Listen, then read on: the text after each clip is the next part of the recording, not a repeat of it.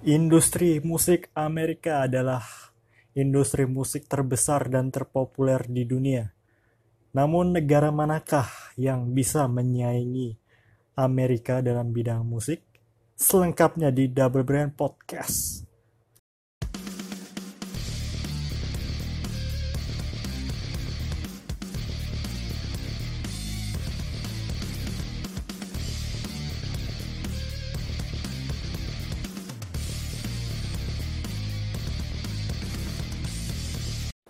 Selamat datang di Double Brand Podcast. Kali ini ada segmen terbaru dari Double Brand Podcast yaitu Music Corner. Dan ini ada episode pertama dari segmen ini. Dan di episode pertama ini gue bakal ngebahas tentang industri musik. Dan kalau ngomongin industri musik yang paling terkenal dan yang paling banyak duitnya ya dari Amerika. Kalau kita ngomongin penyanyi solo wanita ada Taylor Swift yang baru ngeluarin album baru ada Ariana Grande ada Rihanna ada dulu ada Beyonce terus kalau kita ngomongin uh, penyanyi solo pria ada Bruno Mars kita ngomongin band pop ada Maroon 5 band emo ada My Chemical Romance band punk ada Green Day dan Blink-182 dan ada band metal ada Avenged Sevenfold dan Linkin Park. Dan mostly rapper-rapper terbaik dunia juga dari Amerika gitu dan menurut gue ada beberapa industri musik di dunia yang mungkin bisa menyamai atau setidaknya jaraknya nggak terlalu jauh lah dari industri musik Amerika. Dan menurut gue industri musik Inggris adalah salah satu industri musik yang bisa menyaingi Amerika. Karena dari kalau kita tarik mundur dari zaman The Beatles, terus ada Queen dan beberapa musisi Inggris menurut gue mereka bisa menyanyi karena memang mereka juga menggunakan bahasa yang sama dengan Amerika Serikat yaitu bahasa Inggris. Dan ini memudahkan mereka untuk menarik pendengar-pendengar musik dari non dari non negara sendiri karena memang bahasa Inggris adalah bahasa internasional. Dan balik lagi karena orang-orang mengerti bahasa asing ya rata-rata cuma bahasa Inggris. Kemudian kalau kita ngomongin beberapa musisi Inggris saat ini banyak uh, musisi-musisi yang lagi di up lah. Ada Ed Sheeran sebagai sebagai penyanyi solo. Terus ada Sam Smith, ada Lewis Capaldi yang lagi banyak didengerin anak-anak zaman sekarang. Juga ada mantan-mantan personil dari One Direction, ada Harry Styles, ada Zayn Malik, Niall Horan, Louis Tomlinson, Liam Pine itu juga salah satu yang paling banyak didengarin. Ada juga James Arthur. Kalau kita ngomongin tentang uh, penyanyi wanita ada yang lagi naik daun juga ada Dua Lipa dari Inggris. Terus ada Adele yang sekarang kurus banget dan ada Jessie J juga dan masih banyak lagi. Dan ada Honey atau Hon yang duo electronic music yang cukup populer sekarang. Kemudian ada band pop rock yaitu ada di 1975. Ada juga band old school kayak Coldplay, Muse, band rock kayak Arctic Monkeys, Bring Me The Horizon, Asking Alexandria. Karena Asking Alexandria dan band sekarang bukan band rock lagi. Eh bukan band metal lagi tapi band rock. Dan intinya banyak lah nama-nama besar dari musisi-musisi UK yang di zaman sekarang. Dan memang beberapa top chart di Billboard atau di Spotify atau di top chart jenisnya cukup banyak ya musisi-musisi Inggris yang bisa mendominasi atau enggak menyamai uh, musisi-musisi Amerika. Kemudian industri musik selanjutnya adalah Kanada. Kanada juga punya banyak musisi-musisi yang lagi top-topnya kayak The Weeknd yang kemarin sempat merajai dengan lagu Blinding Lights di Spotify. Juga ada Justin Bieber dari Kanada juga yang dua sama Ariana Grande terakhir. Dan dan ngeluarin album juga ya kalau nggak salah. Dan kalau di zaman dulu ada Avril Lavigne, ada penyanyi senior Celine Dion juga dari Kanada dan ada rapper Drake dari situ dan ternyata juga ada Michael Bublé dari Kanada juga. Dan Kanada menurut gue lumayan namanya nama-nama besar juga. Dan mereka juga menggunakan bahasa Inggris. Jadi sebuah privilege buat mereka untuk memasarkan karyanya secara internasional. Karena balik lagi bahasa Inggris adalah bahasa internasional. Dan si Justin Bieber dan The Weeknd ya mereka juga mampu di top chart di Billboard di Spotify atau di top chart jenisnya lah ya. Berikutnya adalah Jepang. Jepang memiliki beberapa musisi yang oke. Okay. yang paling besar menurut gue saat ini adalah One Ok Rock One Ok Rock udah levelnya bukan level Jepang lagi menurut gue karena dia udah internasional. Semua liriknya mostly menggunakan bahasa Inggris tapi juga ada beberapa versi Jepang. Dan menurut gue industri musik Jepang apalagi di J-Rocks ya itu banyak banget contohnya kayak L Arc-en-Ciel terus ada Survive Set The Prophet juga ada band yang kayak metal sedikit itu The Gazette. Sebenarnya banyak band-band metal dari Jepang yang menurut gue oke. Okay. dan mungkin mereka nggak bisa nemu pasar internasional karena ya itu tadi bahasa Jepang nggak banyak yang tahu. Makanya One Ok Rock aja yang kalau mau ter jadi terkenal di seluruh dunia harus mengganti liriknya menjadi bahasa Inggris dan itu yang dilakukan One Ok Rock mostly semua sekarang bahasa Inggris. Dan menurut gue Jepang pasarnya lebih ke pasar Asia ya. Apalagi orang-orang Indonesia ya. Karena orang-orang Indonesia banyak yang nonton anim. Jadi beberapa orang Indonesia dengerin soundtrack-soundtrack dari anime itu yang dan soundtrack-soundtrack dari anime itu merupakan lagu-lagu dari Jepang. Jadi menurut gue pasarnya Jepang ya di sekitar Asia untuk saat ini. Jika mau nembus internasional menurut gue harus kayak One Ok Rock. Dan idol grupnya aja kalau kita compare ke K-pop sangat kalah banget menurut gue Jepang. Gak tau kenapa mungkin gue juga gak tahu kenapa mereka pada mukanya Jepang sama Korea kan gak jauh beda gitu dan gue teringat ada salah satu band dari Jepang yaitu Baby Metal. Baby Metal ini merupakan salah satu band metal. Dulu bertiga sekarang berdua. Dan personel Baby Metal itu adalah fans dari Bring Me The Horizon. Mereka juga sempat konser bareng. Dan Baby Metal juga kalau nggak salah sempat konser mau konser di Indonesia. Dan gue pak gue berharap pada saat itu BMTH diundang ke konsernya tapi kayaknya juga nggak jadi karena pandemi dan juga One Ok Rock konser di bulan Mei nggak tahu kelanjutannya tapi One Ok Rock bakal ngadain uh, konser virtual di websitenya kalau nggak salah. Kemudian ada industri musik Spanyol atau Latin. Uh, mungkin nggak banyak orang Indonesia yang dengerin lagu-lagu Latin atau Spanyol ya. Tapi uh, beberapa lagu Latin itu banyak yang terkenal sedunia kayak Despacito. Semua orang pada masanya Despacito itu adalah lagu yang paling sering didengerin diputer diputer. Orang selalu nyebut Despacito gitu terus. Dan sebelumnya ada Bailando dari Enrique Iglesias orang Spanyol juga. Nah, Luis Fonsi itu orang Puerto Rico kalau nggak salah. Penyanyi Despacito. Dan menurut gue kenapa industri musik berbahasa Spanyol atau Latin atau dari Spanyol itu banyak cukup banyak yang pendengarnya.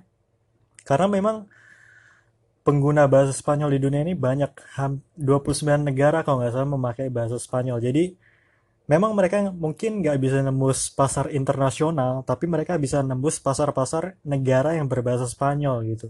Berbeda kayak kita ngomongin bahasa Italia atau Jerman atau Prancis. Bahasa Prancis yang pakai bahasa Prancis ya paling Belgia Monaco dan daerah beberapa daerah di Kanada. Kalau kita ngomong Italia cuma Italia dan San Marino gitu yang pakai bahasa Italia. Jerman juga Jerman, kalau nggak salah Belgia juga pakai bahasa Jerman dan Austria kalau nggak salah Jerman. Dan mereka ngepasarin lagunya ya paling cuma di lokal-lokal doang. Tapi kalau kita bicara lagu berbahasa Spanyol masih bisa dipasarkan ke banyak negara. Dan kalau kita bicara musisi terkenal dari Spanyol atau Amerika Latin yang memiliki nama besar yaitu ada Enrique Iglesias dan David Bisbal dari Spanyol. Juga ada Luis Fonsi dan Ricky Martin yang dari Puerto Rico. Kemudian nama-nama bisa dibilang baru juga. Ada Maluma dengan lagu Hawaii-nya bisa memasuki top chart di Spotify dengan bahasa Spanyol bukan dengan bahasa Inggris dengan bahasa full Spanyol mereka dia bisa masuk ke top chart itu menurut gue suatu pencapaian. Kemudian ada ada J Balvin juga dari Kolombia Maluma juga dari Kolombia J Balvin kemarin sempat du, uh, berkolaborasi dengan Dua Lipa lagu Spanglish Spanish dan English digabungin. Kemudian juga ada Ozuna dari Puerto Rico ada Bad Bunny ada macam-macam macam-macam lah. Dan kalau kita ngomongin Kolombia ada Sebastian Yatra uh, salah satu penyanyi Latin pop yang sangat bagus menurut gue terus ada duo duo kakak beradik kali El Dande ada Ben Morat terus juga uh, Shakira juga dari sana. Ada Carlos Vives juga penyanyi senior dari Kolombia juga tadi ada Maluma dan J Balvin. Dan menurut gue Meksiko juga memiliki beberapa musisi yang bagus, seperti ada band namanya Rake, ada vokal grup namanya Matisse dan Dana Paula yang main di serial LT sebagai Lu. Terus kalau kita bicara beberapa musisi yang top di Amerika Latin adalah Puerto Rico. Banyak uh, musisi-musisi dari sana kayak Luis Fonsi, Ricky Martin juga dari sana terus ada Ozuna ada Bad Bunny dan mungkin masih banyak lagi. Dan kalau kalian tahu Camila Cabello bacanya Camila Cabello bukan Camila Cabello. Itu juga dari Hispanic juga sebenarnya dari Kuba cuman dia memang nggak nggak membuat lagu berbahasa Spanyol. Tapi dia memang mungkin ngincernya pasar-pasar internasional. Jadi dia makanya bahasa Inggris. Tapi kalau nggak salah dia mantan uh, personal Little Mix bukan ya? Mungkin dia. Dan selain Amerika Latin juga ada Spanyol yaitu ada Enrique Iglesias, penyanyi Bailando. Terus ada David Bisbal, salah satu penyanyi senior juga. Mereka berdua ini. Terus yang baru-baru mungkin ada Beret, Pablo Alboran, ada Luis Cepeda juga dari Spanyol. Kemudian kalau kita ngomongin uh, sorry penyanyi wanita ada Aitana, salah satu penyanyi yang banyak disukai di industri musik berbahasa Spanyol ini. Kemudian ada Rosalia yang cukup terkenal juga. Juga ada Lola Indigo, ada banyak lah. Kemudian kalau kita bicara band ada Devisio, ada Taburete. Dan cukup Spanyol cukup bisa menyaingi beberapa negara Amerika Latin dalam industri musik berbahasa Spanyol ini. Kemudian yaitu adalah industri musik Korea alias K-pop banyak sekarang remaja-remaja di Indonesia yang menggemari uh, beberapa boy band dan girl band. Contohnya yang lagi booming sekarang adalah BTS dengan Dynamite-nya. Ada EXO, ada One One, ada yang zaman dulu ada Big Bang, terus ada 2PM mungkin, ada Super Junior.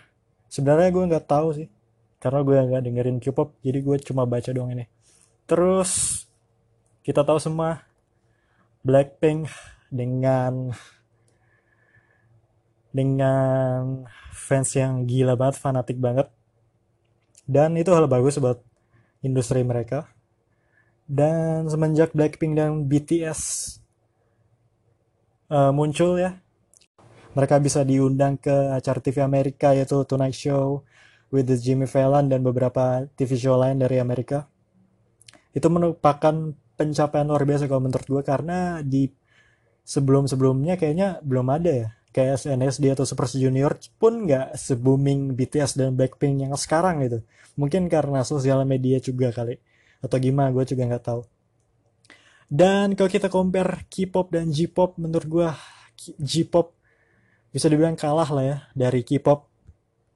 Mungkin juga karena visual dari Korea lebih menjual atau gimana gue juga nggak tahu. Terus juga mungkin dari segi branding atau dari segi musiknya mungkin atau gimana? Dan balik lagi ke Blackpink dan BTS dengan naiknya Blackpink dan BTS bukan gak mungkin Korea ini bis, industri musik Korea ini bisa melampaui Amerika. Bisa aja. Karena memang uh, fansnya BTS dan Blackpink itu gila-gila banget. Banyak banget dan menurut gue itu bagus untuk industri mereka.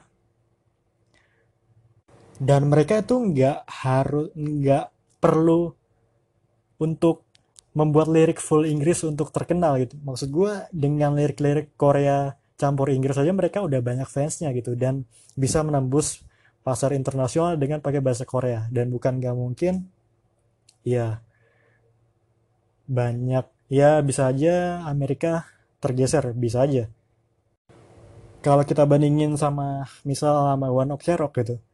One Ok Rock supaya bisa nembus pasar internasional ya harus mengubah liriknya menjadi full Inggris. Bedanya sama BTS dan Blackpink mereka dengan pakai bahasa Korea doang gitu. Nggak bahasa Korea doang sih maksudnya bahasa Korea campur Inggris mereka bisa nembus internasional. Itu luar biasa buat mereka menurut gue dan ya walaupun di Dynamite kalau nggak salah full Inggris liriknya dan sebenarnya uh, uh, One Ok Rock juga sebenarnya ada yang campur Inggris Jepang. Cuma mostly di album-album baru ini dia mostly pakai full Inggris. Kalau emang full Jepang ya mereka bikin Jepang version sendiri. Dan baik lagi ke K-pop mungkin ada girl band yang lagi menanjak juga ada ITZY. Dan ITZY ini bisa masuk ke top chart uh, dari Spotify ada dari Spotify. Dan menurut gue ini prestasi yang luar biasa buat industri musik Korea. Selain itu juga bisa dibilang mungkin Red Velvet Twice ya mungkin juga bisa. Walaupun mereka agak entah kenapa mereka itu agak kalah kelas dari Blackpink aja. Dan fansnya jauh lebih banyak Blackpink menurut gue dan itu aja mungkin gue juga nggak ngerti-ngerti amat sebenarnya soal K-pop. Dan ya udah paling itu aja dari episode segmen terbaru dari Double Brand ini. Dan ya selamat mendengarkan dan see you on the next podcast. Boom